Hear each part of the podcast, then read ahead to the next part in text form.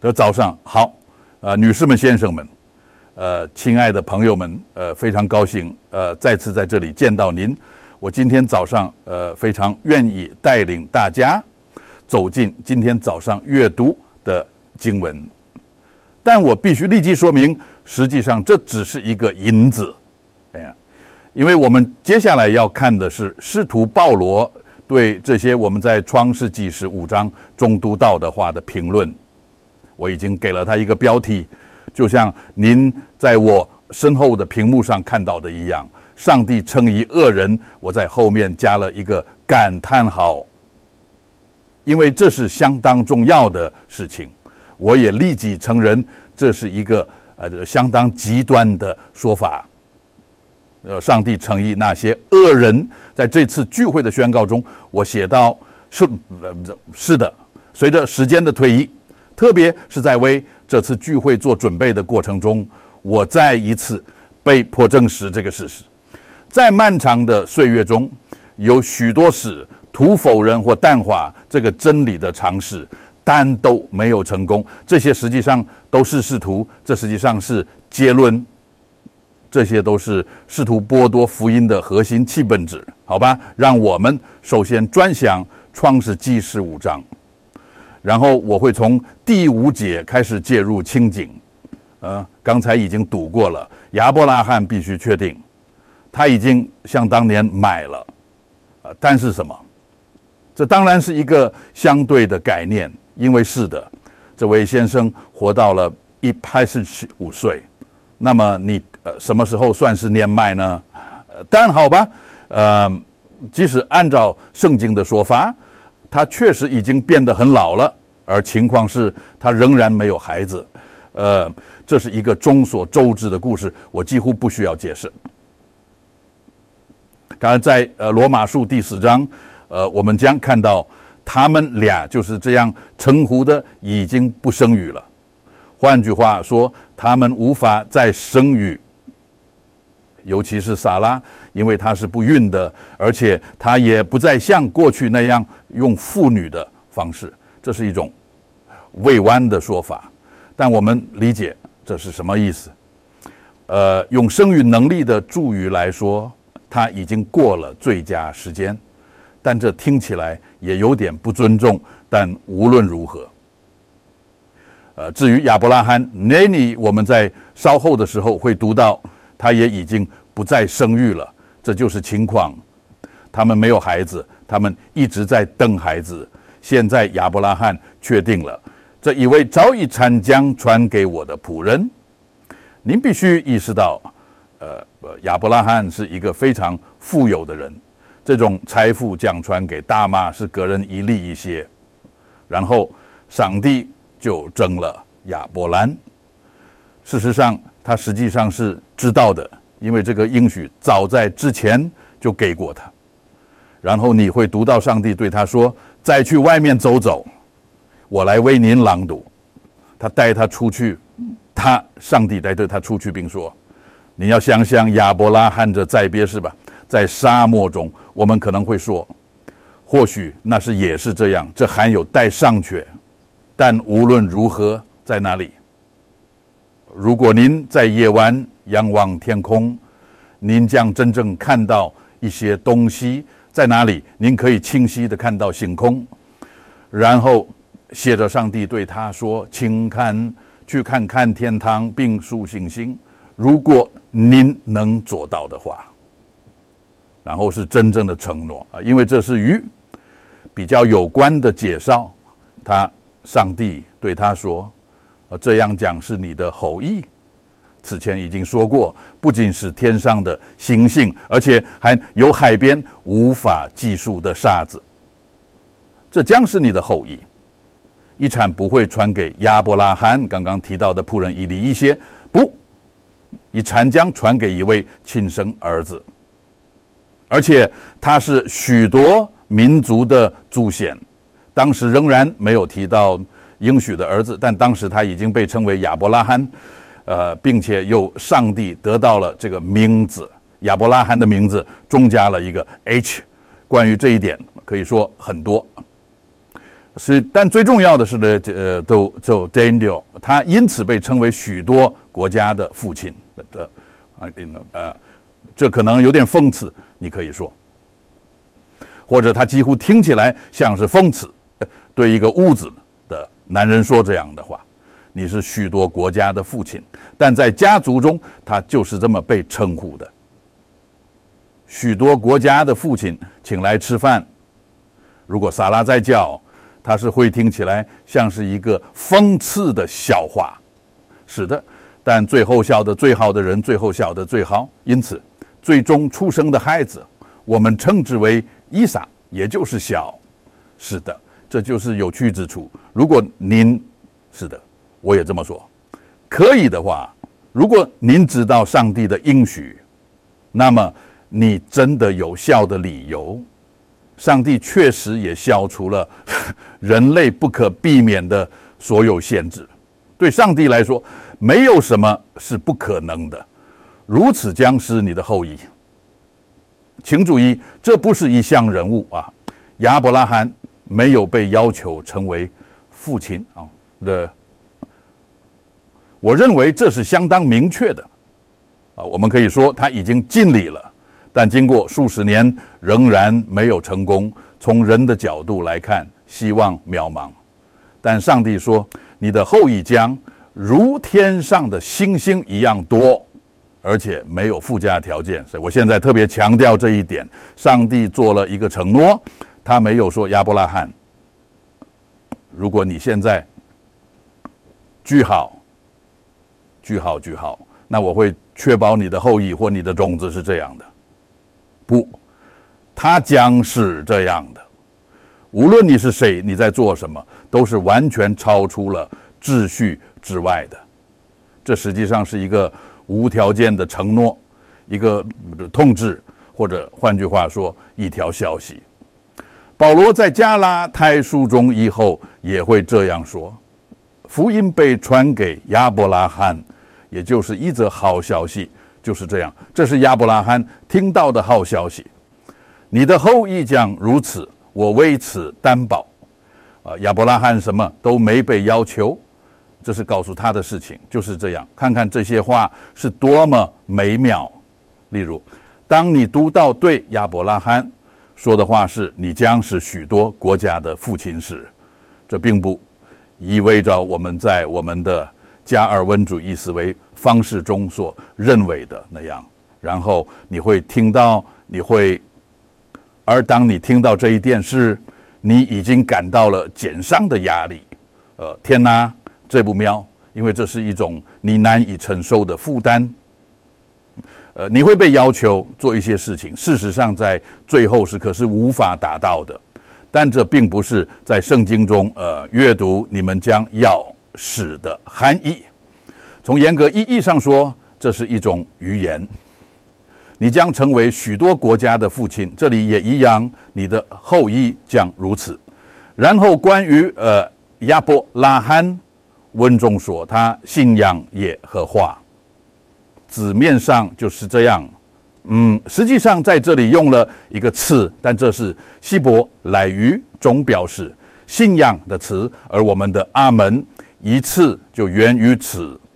我实际上应该换一种说法，我们的阿门实际上来自希伯来语，因为阿门以为招缘如此，这是真的，那就是阿门在希伯来语中，你清楚的看到这个词再次出现。所以亚伯拉罕肯定了上帝，他并不只是。注意到这一点，在我们的语言中，信仰换具有宗教的一般意义。你信仰什么？好吧，我是一个穆斯林，那也叫信仰。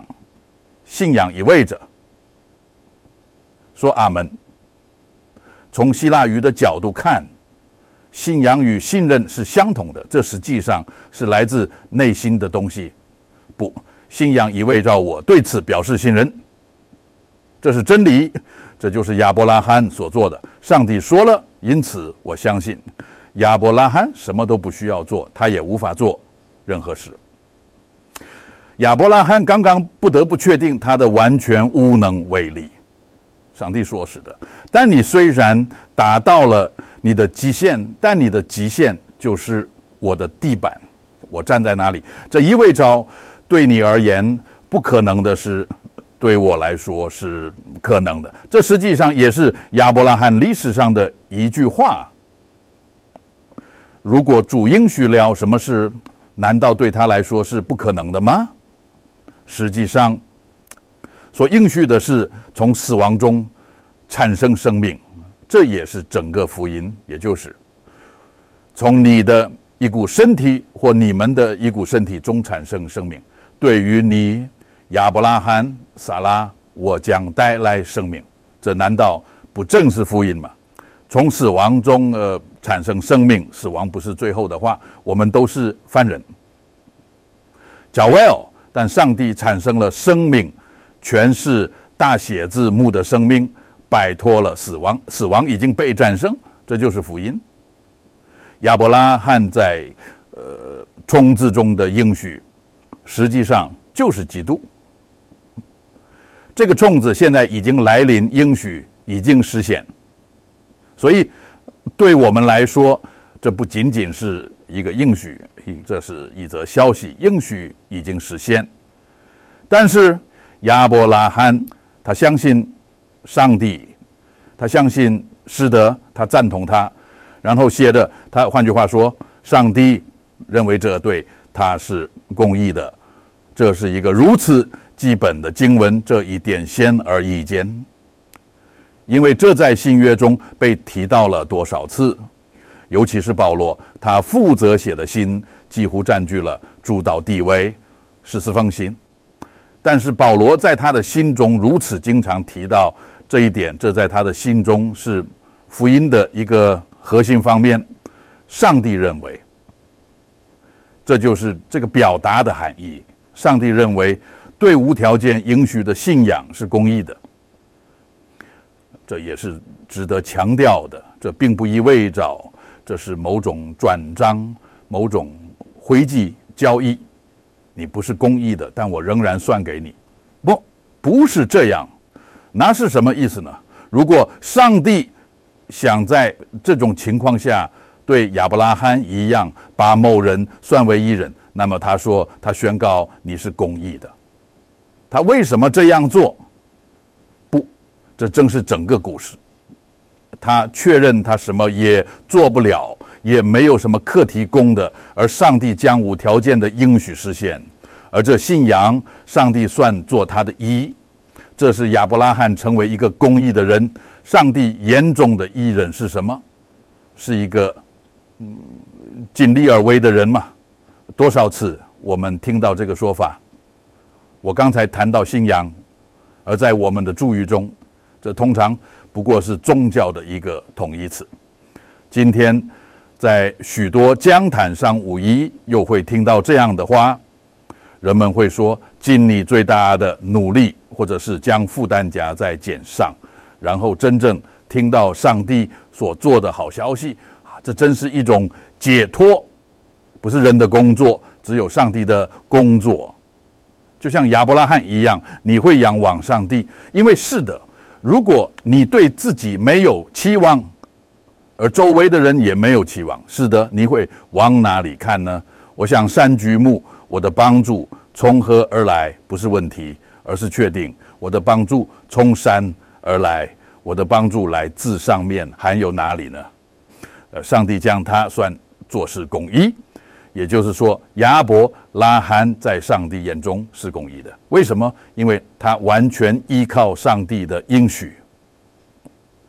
就是这样。嗯，罗马书四章是保罗详细阐述和解释这一点的一章。我们也来看看，从第二节开始，保罗说：“如果亚伯拉罕因为行为而被称义，或被称为义。”实得，那么他有荣耀。实得，为什么呢？因为他可以夸口他所做的事情。如果那是行为，如果亚伯拉罕做了什么，他就可以说：“嗯，那是我做的，这在我的名下啊。”不管哪些行为是什么，呃行为的概念是这样的呢？那是一个呃人可以归功于自己的成就，因此是一种攻击。然后你可以说这是我通过努力工作获得的。如果亚伯兰因行为而被称义，他就有荣耀。当然他可以夸口，但是不能向上帝夸口。呃，也就是说，呃，尊荣不是贵于上帝的。不，因为他自己做了一些事，哎，保罗揭示了这些事情。是是，喏，我今天早上也这样做啊。整个故事的呃第一线实际上是如此简单，一个孩子可以理解。这就是为什么这个真理在教会里始终会被呃扭曲的如此不可思议的原因。当人们通过信仰的后门。呃，再次将其变成一种工作室，因为您知道，宗教改革的中心真理就是单单靠信仰。是的，没错。但是，如果人们通过信仰的方式再次将其变成一种工作，比如说，我已经相信了，这是我的成就，这是我所说的福音辩题。然后有人说我选择了耶稣，是这样做的想法是人。在此做了一些事情，然后呢，有了荣耀，或者有人说，上帝已经做了一切，我只需要接受他。在正统教会的注语中，这被称为恩典的风险。这意味着恩典现在是一种风险，像水风险，它是向所有人随意提供的嘛？还是只提供给一些所谓的被选中的人？您知道，这这甚至不是一种提供的问题，这只是一个事实，这是一个同高，这不是上帝想要成为你的救世主，你可以接受的，还是他是所有人的救世主？不，他是所有人的救世主。我可以对每个人说，他是你的救世主，这意味着他拯救了呢？无论如何何时，但是事实，他是你的救世者。就像呢他是你的创造者一一样，他不是因为你相信他，那不是废话吗？还是他是你的审判者，也就是他会把一切弄对，他会知道你，这不是有条件的，不，这是一个事实。他是你的上帝，他是你的创造者，他是你的救世主，这是一个同高一个消息。你可以相信，也可以不相信。让我们继续，我们进入罗马书第四章第二节，那里确定了，如果亚伯拉罕有所作为，那他就有了荣耀。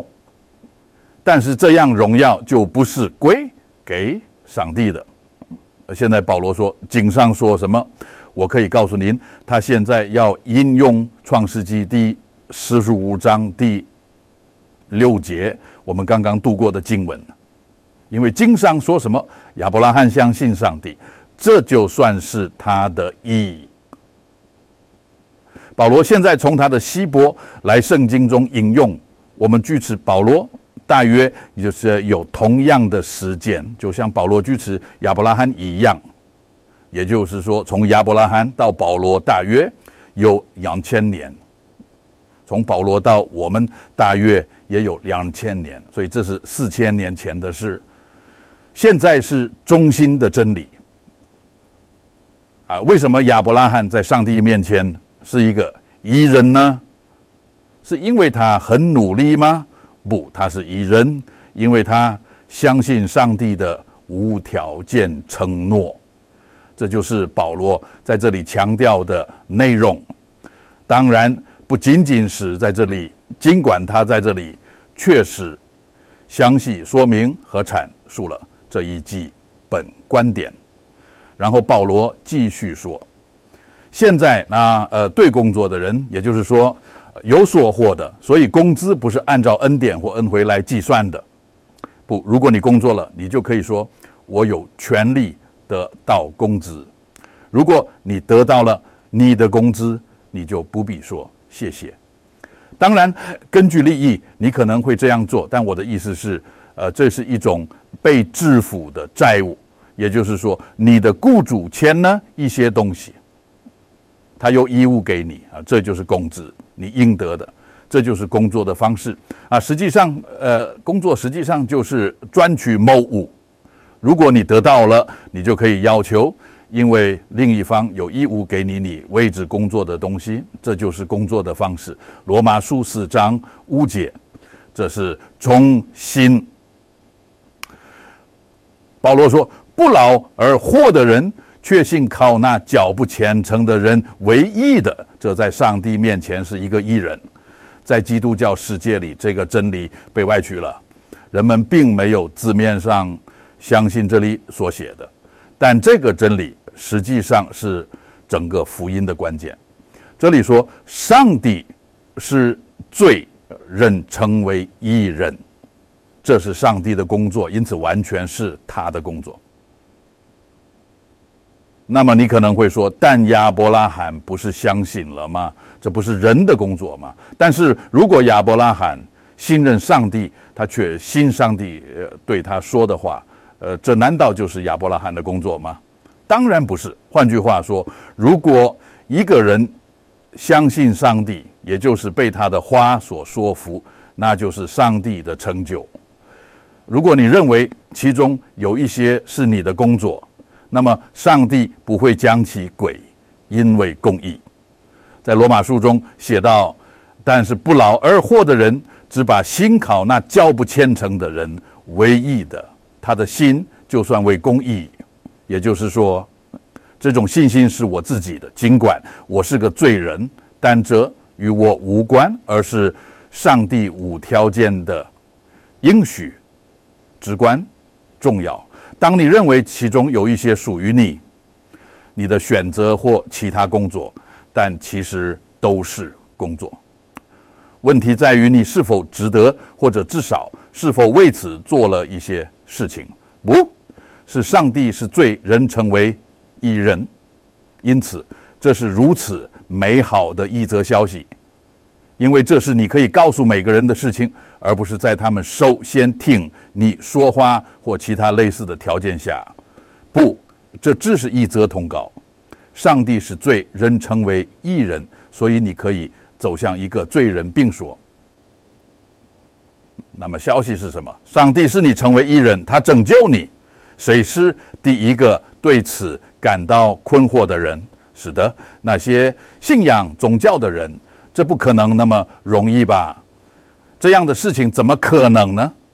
他们并不相信这一点，或者他们说是的，但你必须先相信。但我的演示恰恰证明了人们并不相信上帝将那种信仰算为公义，是相信他，还是信靠那较不虔诚的人唯一的他？那么他是不是为每个人辩护呢？是的，那我们需要回到罗马书四章，然后再到罗马书三章。在罗马书三章二十三节，这里再次是一个如此简单的陈述。保罗说：“因为人人都犯了罪。”他说：“因为，因为他在前几章中已经详细说明和证明过了，就是这还需要证明，人是一个伟大到目标的人，因为这实际上是。”罪人一次的含义，人犯罪，他为大到他的目标。那么他们是谁呢？保罗回答说：“所有人，所有人是什么意思？好吧，没有一个人例外。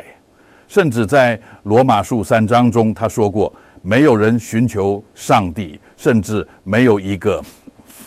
所以当他说因为人人都犯了罪时，他在继续之前已经。确定的内容，这就是为什么有“因为”呃这个词，呃，这是所有人阅读，所有人呃是很重要的，啊，因为关键是这是一个普遍的真理，没有例外，就像所有人都是犯人一样，所有人都是罪人，并不是因为他们做了什么错事，因为婴儿也是罪人，那个婴儿能做什么呢？什么也不能。但问题根本不在这里。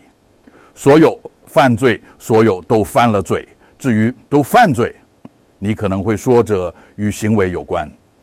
但问题更深层次，那就是人事目标的伟大成者。事实上，这已经体现在他是一个犯人的事实中，因此他错过了目标及生命，他不够勇。其实，在圣经中还说了，他们缺少，或者更确切的说是有缺乏上帝的荣耀。而且，其实真的并不在乎你缺少多少。我以前有一个邻居，他说有两种人，实际上这个人几乎做了一切上帝禁止的事情，所以他知道自己在说什么。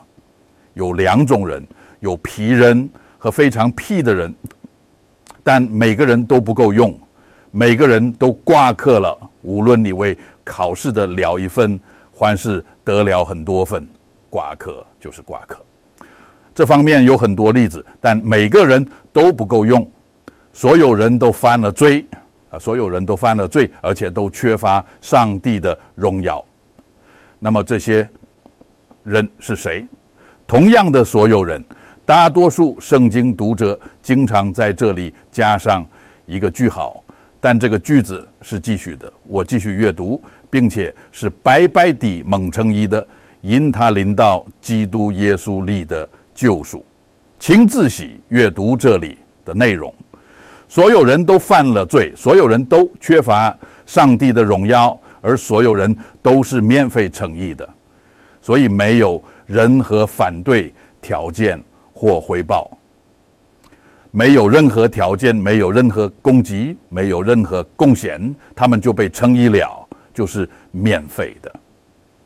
啊，不是几乎免费，因为那就像几乎几个或几乎怀孕一样，因为几乎免费，通常被传达和大多数情况下都是这样说的。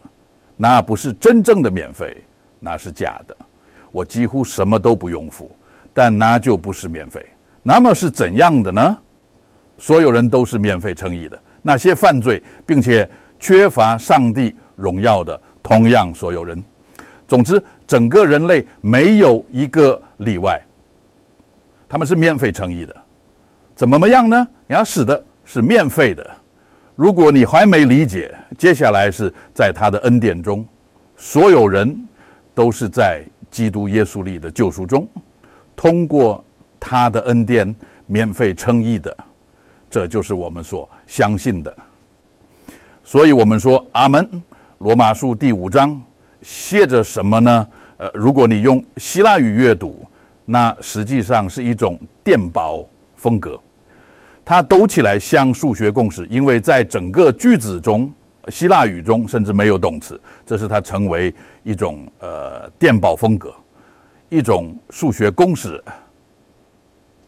保罗刚刚提到了亚当一次行为的影响，整个人类都包含在其中。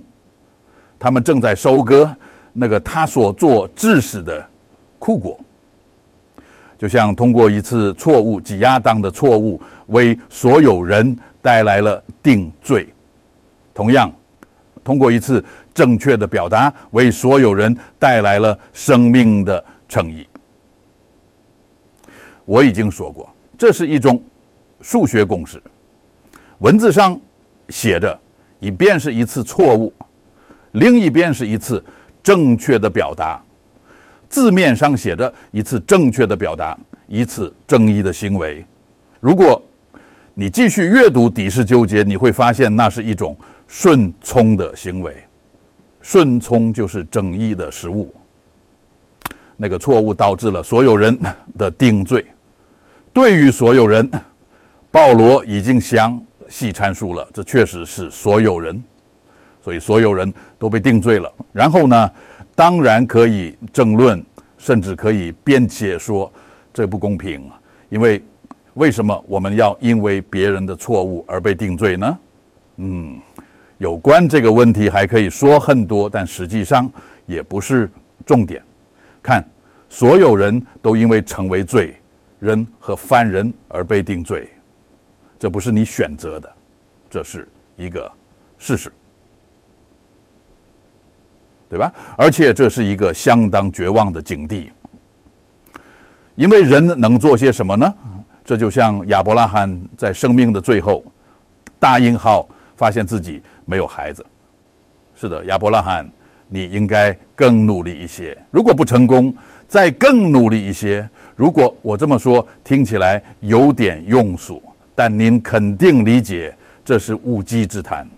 这就是你可以对一个凡人说的啊。是的，你必须确保你不再是凡人。你好，这就是我们目前的。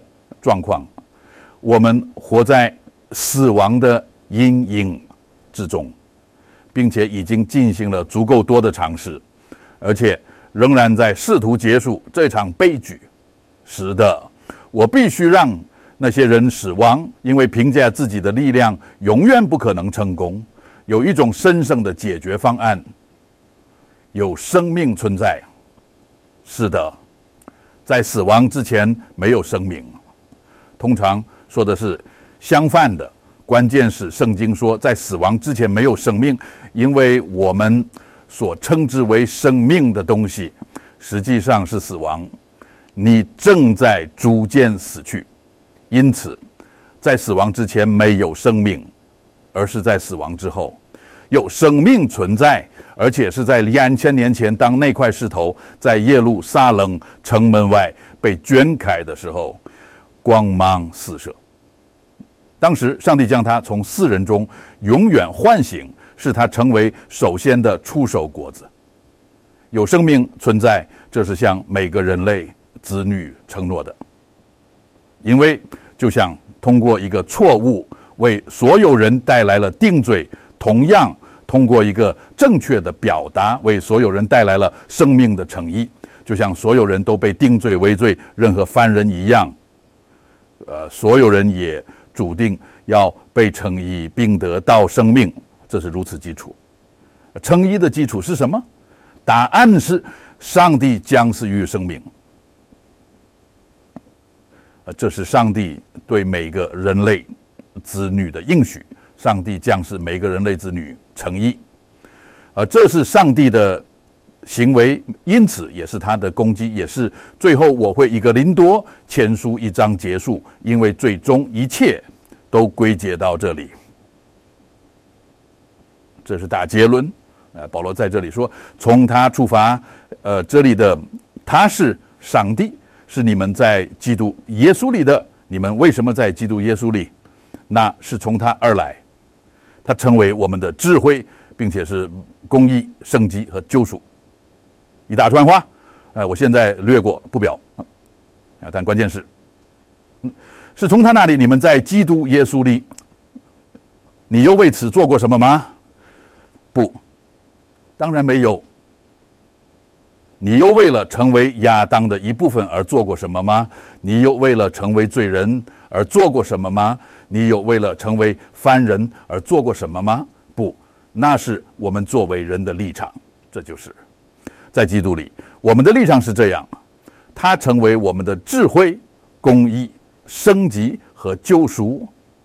我告诉你，故事在这里并没有结束。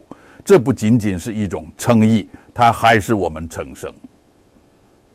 它是我们成生。你们应当成为生机的。彼得说：“你们应当成为生机的。你知道它是在什么时候生效的吗？”当人说我不能的时候，你是我称生啊哈！人的努力全都没有，正如井上所写的，夸口的当因着夸口，也就是说，如果有什么值得夸耀的，那全都归于上帝。如果你要将一切荣耀归给他，那就让上帝做一切吧。亚伯拉罕说：“阿门。”我们也说：“阿门。”很高兴你在听，这是荷兰基金会好消息进行的一项研究，重点关注使徒保罗的福音，尽量是用希腊原文，而不是常规的圣经翻译。想要了解更多关于保罗的福音吗？你可以通过 www.goodbrit.com 但以 NL 了解，通过 Chrome 或 Firefox 浏览器。可以使用语言查健将荷兰网站自动翻译为你喜欢的语言，这个圣经研究最初是用荷兰语呈现的，通过人工智能翻译成了你的语言。